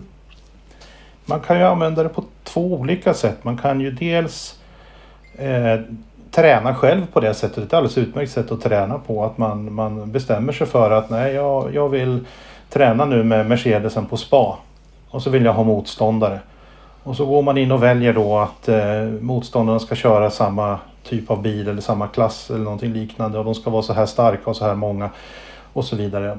Och så kör man där för att det är en sak att lära sig att köra bilen och att förstå, få ett hum om hur man ska ta kurvorna och vart man ska bromsa. Men det är en helt annan sak sen när man ska börja umgås med andra förare. Det kan man inte riktigt träna på på egen hand. Sen finns det den andra varianten då när man skapar ett, ett lopp. Man betalar en liten slant till, till uh, iRacing och sen skapar man ett lopp där man kan köra mot varann. Och det har ju du gjort mest då men innan vi började med AI så gjorde vi faktiskt så för att skapade träningar på det sättet och även tävlingar fast det var bara du och jag. Det är ett tag sedan nu Precis. men det gjorde vi ett tag. Men sen kom det här med AI in i bilden Ja, och, ja men precis. Och, och, det har ju på något sätt lyft just den här upplev den senare upplevelsen där när, när vi kör tillsammans. Då, då. Att då, då kör du och jag, eh, väljer vi en bana. Och sen så eh, gör man då ett... Eh, man, får, man, väljer bana, man väljer väder, man väljer hur man vill ha det upplagt. Om man vill ha fri träning, kval, öppet kval eller envarvs eller e, liksom separata kval och, och sen hur långt eh, loppet är. Och rullande start. Ja men precis, exakt. Och anledningen till att det, det är, anledningen till att vi pratar om rullande start är att varje gång så får man ändra från rullande start till stående start. För vi gillar stående start. Men som default i GT3-serien så är det rullande start. Så därför så hoppar den alltid över till rullande start. Eh, men ja, som eh, europeer Eh, så tycker vi att det är roligare med stående start. Så då får man ändra om det. Men i vilket fall som helst så det finns massor med val som man kan göra då när man gör ett sånt där AI-lopp. Och eh, det har ju då höjt eh, eh, vad ska man säga, intresset när istället för att vara två taffliga som kör på banan då så kan man då lägga till 20 förare till då som är AI-förare och tävla mot vilket är, är ganska roligt då, då. Och då kan man ställa nivån på hur eh, duktiga de här ska vara dessutom. Sen är det ju så att eh, ja, de kanske inte alltid exakt beter sig som eh, man gör på riktigt. Men de är väldigt bra och sofistikerade faktiskt, eh, måste jag ändå säga. I vissa lägen så är, kan de vara lite väl tuffa. I vissa kurvor kanske de bromsar lite väl tidigt. Men det har nog också att göra med hur, hur man ställer eh, så att säga skill-levelen. Vad heter det på svenska? Svårighetsgraden på dem eller deras... Ja. Tack. Mm. Exakt, svårighetsgrad. Jag har ju kört mot datormotståndare i andra mer spel, liknande spel. Alltså som, och eh, där tycker jag ju att de som regel inte beter sig särskilt realistiskt. Eh, de är ofta väldigt duktiga på att flytta sig när man tränger sig fram och så vidare. Eh, de vi ja. kör mot här i, i iRacing eh, de flyttar sig inte en millimeter om de inte behöver. Och både du och jag har ju råkat ut för att vi har varit en smula upprörda efteråt och tyckt att de har tryckt den av banan och kört oschysst. Fast sen när man tittar på repriserna så ser man att ja, det var nog en race incident i alla fall. Det, det var inte, vi, vi, var nog skyldiga båda två där. Och, och så, ja, så, så. så, tufft har jag aldrig varit med om i något tidigare bilspel som jag har kört. Nej, och det här kom väl egentligen med en uppdatering lite senare så att de utvecklar ju också det här hela tiden. Så att då märkte man en ganska tydlig del i att, eh, att, de, att eh, motståndarna blev tuffare, vilket i sig egentligen är bra. Men det kanske inte alltid eh, faller väl ut då, då med, med, för ens egen del. Då, då. Men, men trots allt så är det helt klart en utveckling och det finns en funktion som, eh, där man kan ta bort det här så att man kan ställa in då att eh, de inte ska komma i närheten av en då. Och det kan ju vara bra i början då om man vill, vill träna så att säga. Men det här är ju ett ypperligt sätt att få träna och köra för att det var någon som, när jag började köra racing så var det någon som gav mig tips att testa att köra eh, varvet utan att ligga i racelinjen. Eh, jaha, varför det? Jo, därför om du kör lopp så kommer du få köra eh, banan på helt andra ställen och ha helt andra bromspunkter än när du har folk på banan. Och det är lite det som man tränar på. Liksom, att ta en kurva när det är andra bilar i vägen. Mm. Verkligen. Och, ja men precis. Och, och, och det gör ju också att hela... Ja, då, då jagar du ju naturligtvis inte varvtider utan det tar dig fram i fältet. Och det är ju någonting helt annat. Och det är ju det vi gillar med racing. Eller vad säger du? Jo, men det är det som är tjusningen. Det visst, det är kul att, att ligga och jaga tider också och slå sina personliga rekord och så vidare. Men det här med att köra om, lyckas med en omkörning och behålla platsen och försvara sig och så. Det är ju faktiskt väldigt roligt. Och frustrerande. Ja, men, ja, men det är ju det. Det är ju det, verkligen. verkligen. Och, alltså, det är ju som alltid också ligga och jaga. Är ju på något sätt det ultimata och känna att man kommer närmare och närmare och dessutom sen då lyckas med den här omkörningen. Det är, det, ja, det är, det är belöningskänsla sådär. Och ja, banor då. då. Eh, ah, den här AI-racingen finns inte på riktigt alla banor men på många stora banor i alla fall så kan man välja till och det kommer till fler och fler ska vi säga och man kan, man kan egentligen välja hur många AI-förare man vill ha med, hur, hur, eh, vilken eh, nivå som sagt eh, de, de är med och vilka bilar. Finns inte riktigt till alla bilar men de stora klasserna finns ju med naturligtvis. Men de, de utvecklar, man kan välja väder, man kan välja, ja, man kan i stort sett välja allt man vill då på ett sånt här lopp. Och, eh, ja. Vet du hur man kan välja till regn? iRacing har ju infört regn under hösten här i någon uppdatering men jag vet inte på vilka, vilka premisser man kan eh, få in det. Men det är alldeles nytt vad jag har förstått.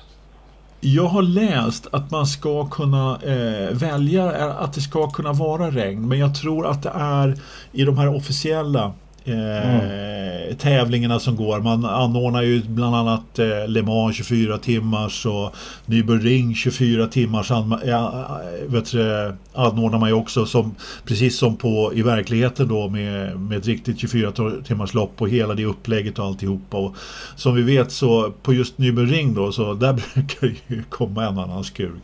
Sådär, så att, jag tror inte det har kommit in i AI i Sverige. Nej. Men jag skulle vilja passa på att nämna ett par ord om det här med... Eh, för AI-racing ingår ju lite i det. Nämligen att när vi började då körde vi rookies-klasser. Vi körde masterna. Och när vi skulle träna och tävla mot varandra eh, så är det ju så att i, i, när man är rookie då, då, följer ju alla banor som det tävlas på. Eh, de följer ju med i grund, grundutbudet så att säga, grundavgiften. Ja. Och det betyder ju att vi kunde ju alltid träna på de banor som man körde på. Och då kostar det ju inget extra. Men sen så småningom när man kommer uppåt i licensklasser och bilklasser så tävlas det på en massa banor som man inte har köpt än. Och eh, där ligger du lite före mig. Så att eh, istället ja. då för att vi kanske när, när, när GT3-klassen tävlar på, låt oss säga eh, i Brasilien. Eh, så har inte jag den banan och då kan ju inte jag vara med. Och då har vi istället använt då den här funktionen att man kan arrangera ett lopp på iRacings servrar. Men istället för att bjuda in riktiga motståndare så har du bjudit in mig oftast och sen så har vi lagt till AI-bilar på det där. Och då betalar man, jag tror det är 50 cent för en timme och då får man använda deras servrar, deras regelsystem och alla de här bitarna.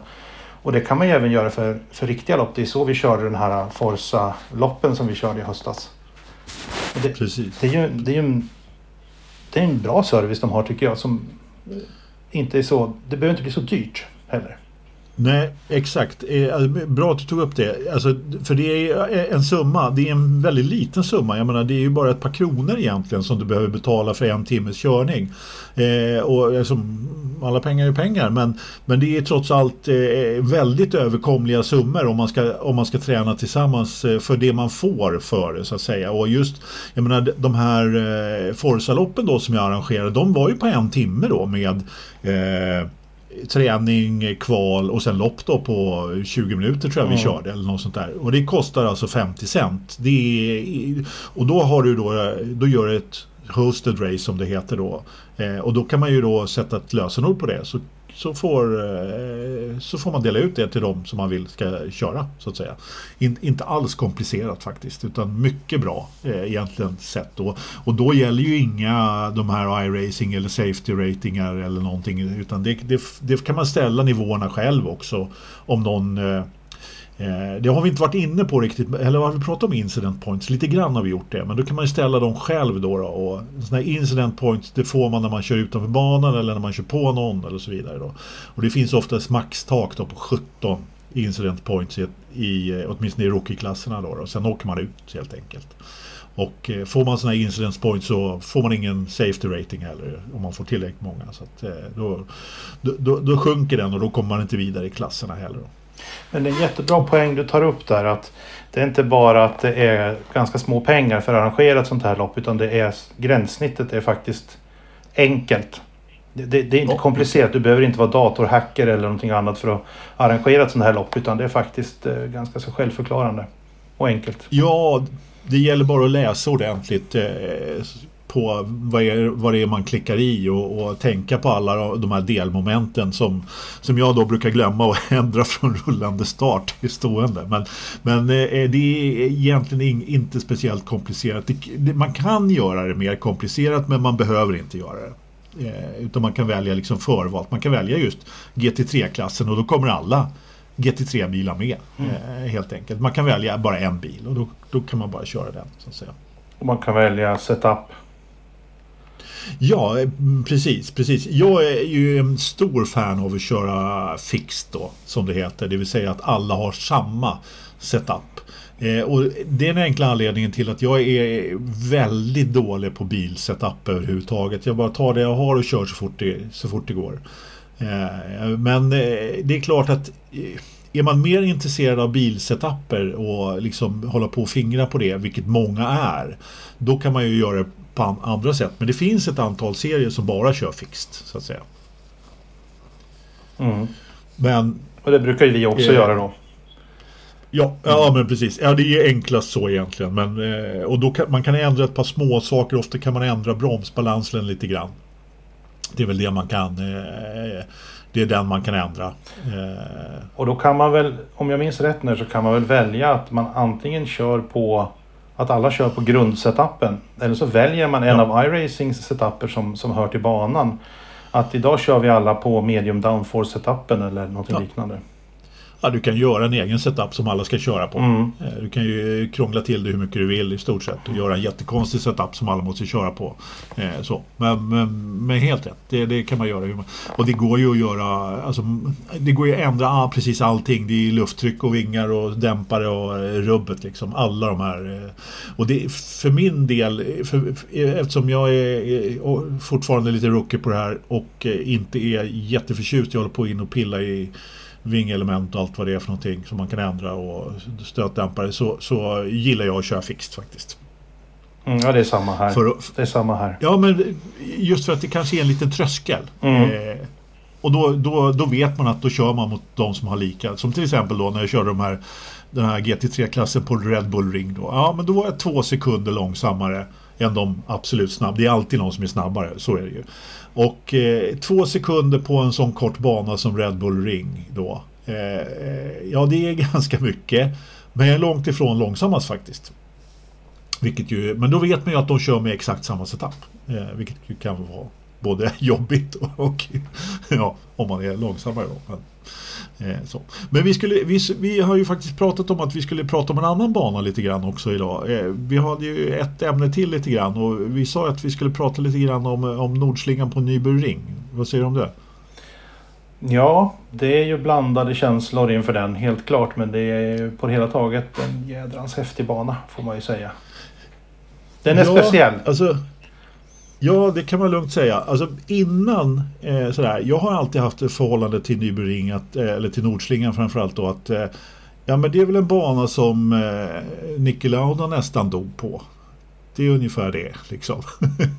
ja, den är jättefin, den är jättelång, det är jättemånga kurvor och karusellen, den kan man ju lite så. Och jag har sett, många- sett ett annat lopp, ett annat 24 timmars lopp och sådär. Men och jag har inte förstått varför alla varit så galna i denna bana. Har du förstått det? Nej, det har jag aldrig gjort. Jag har ju i, i tidigare olika typer av bilspel haft eh, mer eller mindre dåliga kopior av den där. Och den, den främsta reflektionen är att den är så pass lång att det är lugn i helvete att lära sig kurvorna ungefär. Sen har man gett upp.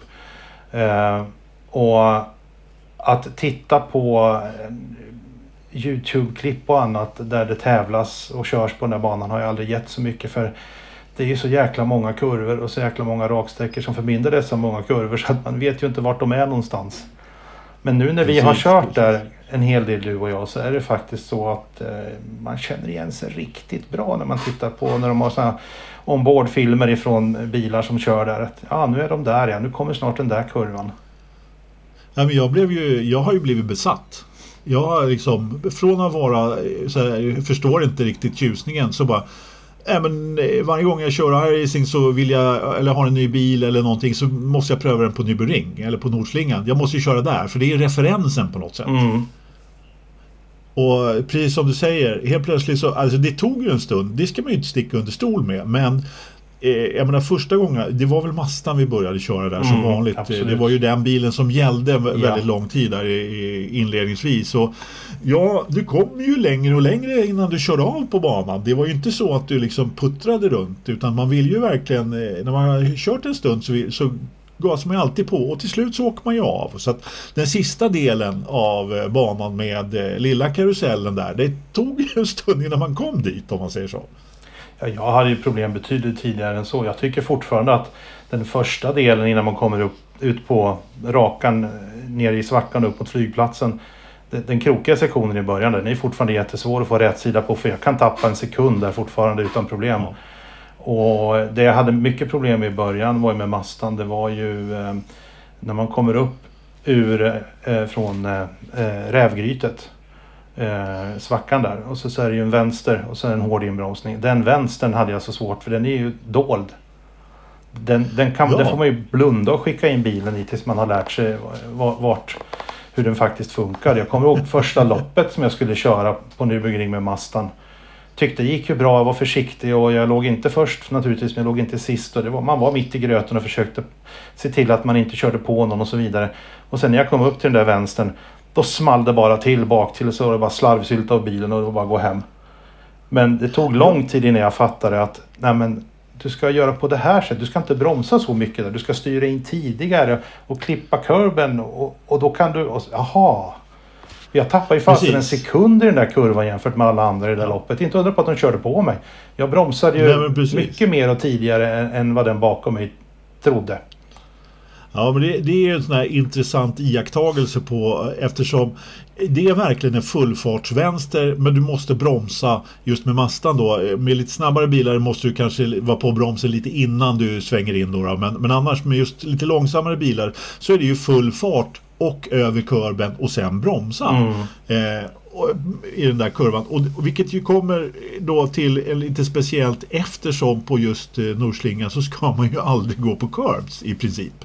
Därför att de är så pass höga. Den, de, den är inte beskaffad som de här moderna racerbanorna med ganska låga curbs. Om man tittar på eh, ja, vilken bana som helst egentligen så finns det ju ofta liksom lite olika nivåskillnader på curbsen. Men medan nästan alla kantstenar på Nordslinga är just kantstenar. De är högre. Det är ingenting att gå över. Men just där i ingången till vad heter Foxröre?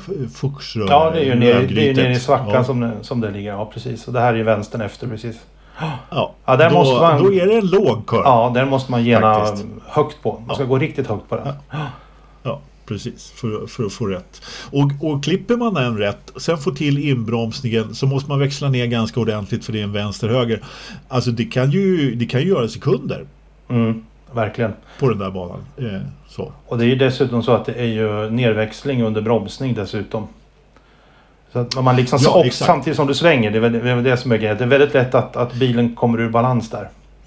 Ja, och du har gått på kurben så den är unsettled som de Mm. sett, som är väldigt bra eh, namn på engelska där. Mm. Liksom att bilen blir orolig över kurben eh, på det sättet. Och, vilket gör det så mycket svårare då naturligtvis att få till en bra inbromsning där. Så. Men eh, ja, vi kan förmodligen prata hur länge som helst då, om Nordslingan. Har du något mer eh, favoritparti på banan sådär? Det är, det, är, det är svårt. Nej, jag har inget direkt favoritparti på det sättet.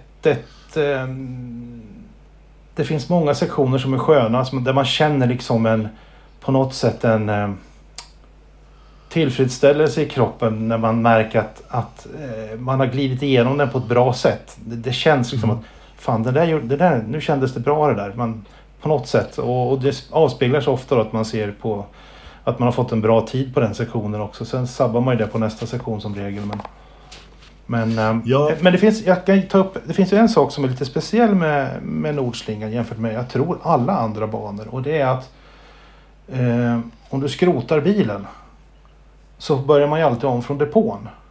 På alla andra banor. Ja. Men den här är ju så lång. Så här har du ju Precis. med jämna mellanrum eh, sektioner. Så att har du kört förbi en viss punkt då startar man om där istället för att starta om från början. Och det har man ganska stor nytta av. För skulle man behöva starta om från början varje gång man kraschar som rookie då skulle det ta veckor innan man har kommit runt ett varv.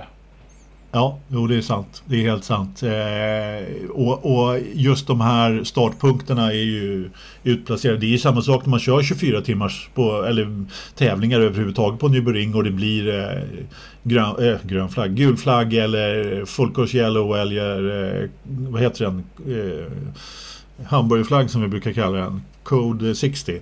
Eh, då, då kommer det ju ut ett, tre tre stycken safety cars tror jag, eller något sånt där som håller fältet. Eh, då, om man kör med safety cars så att säga.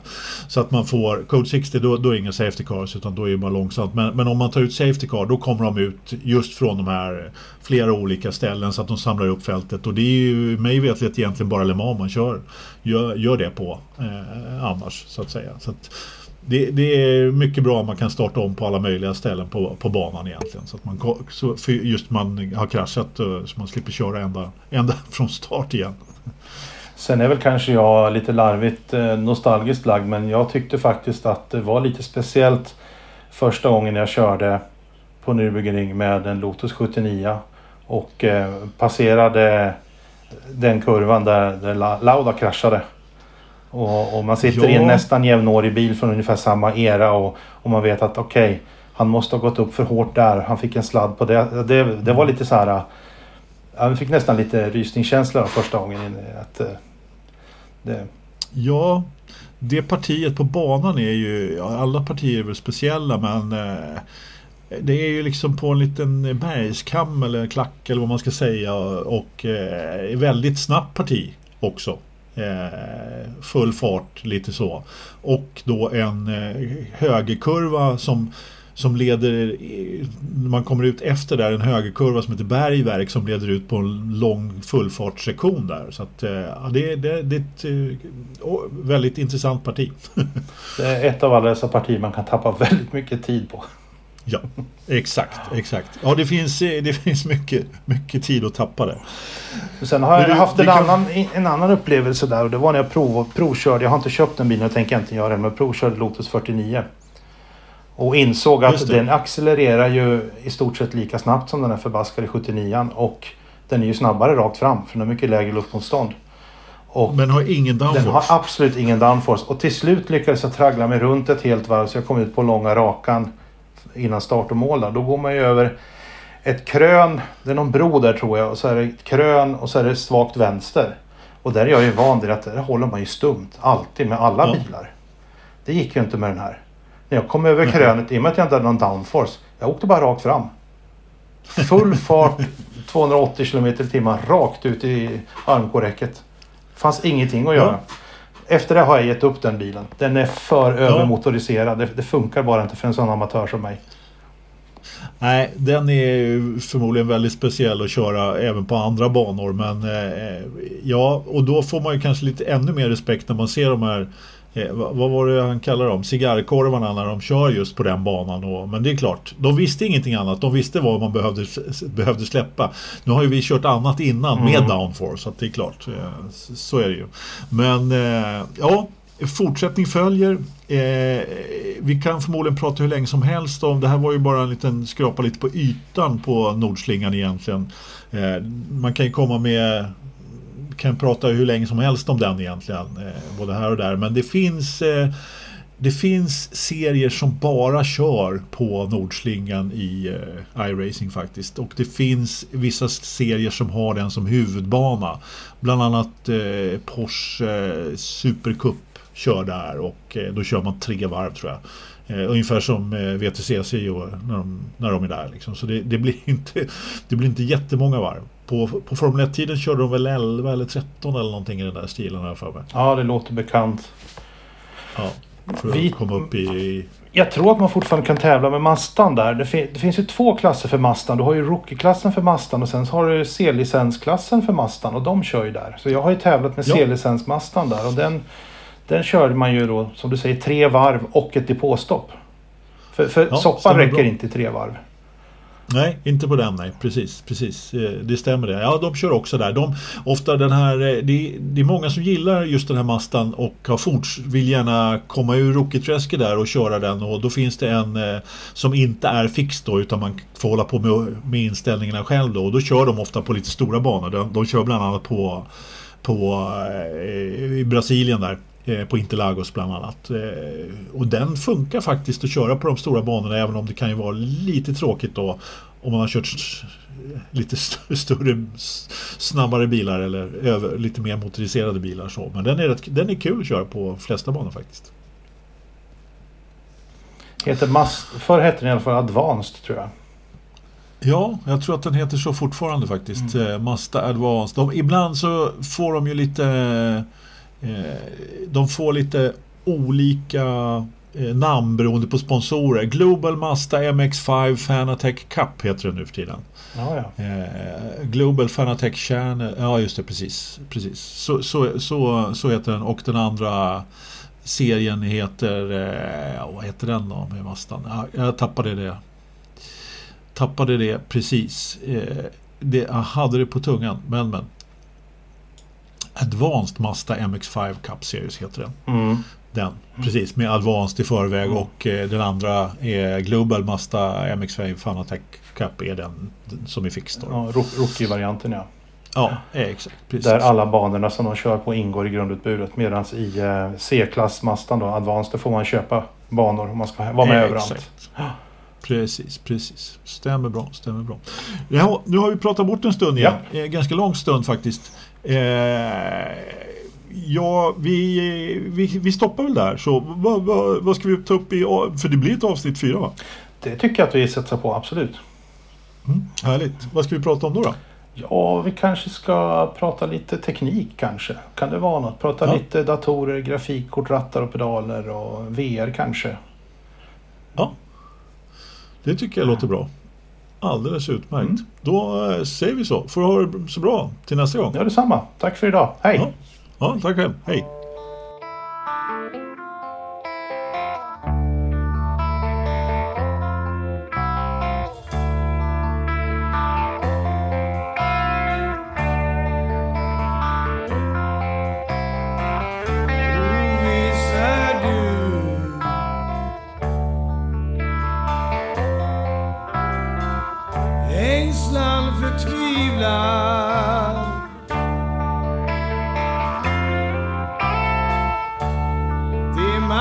anger.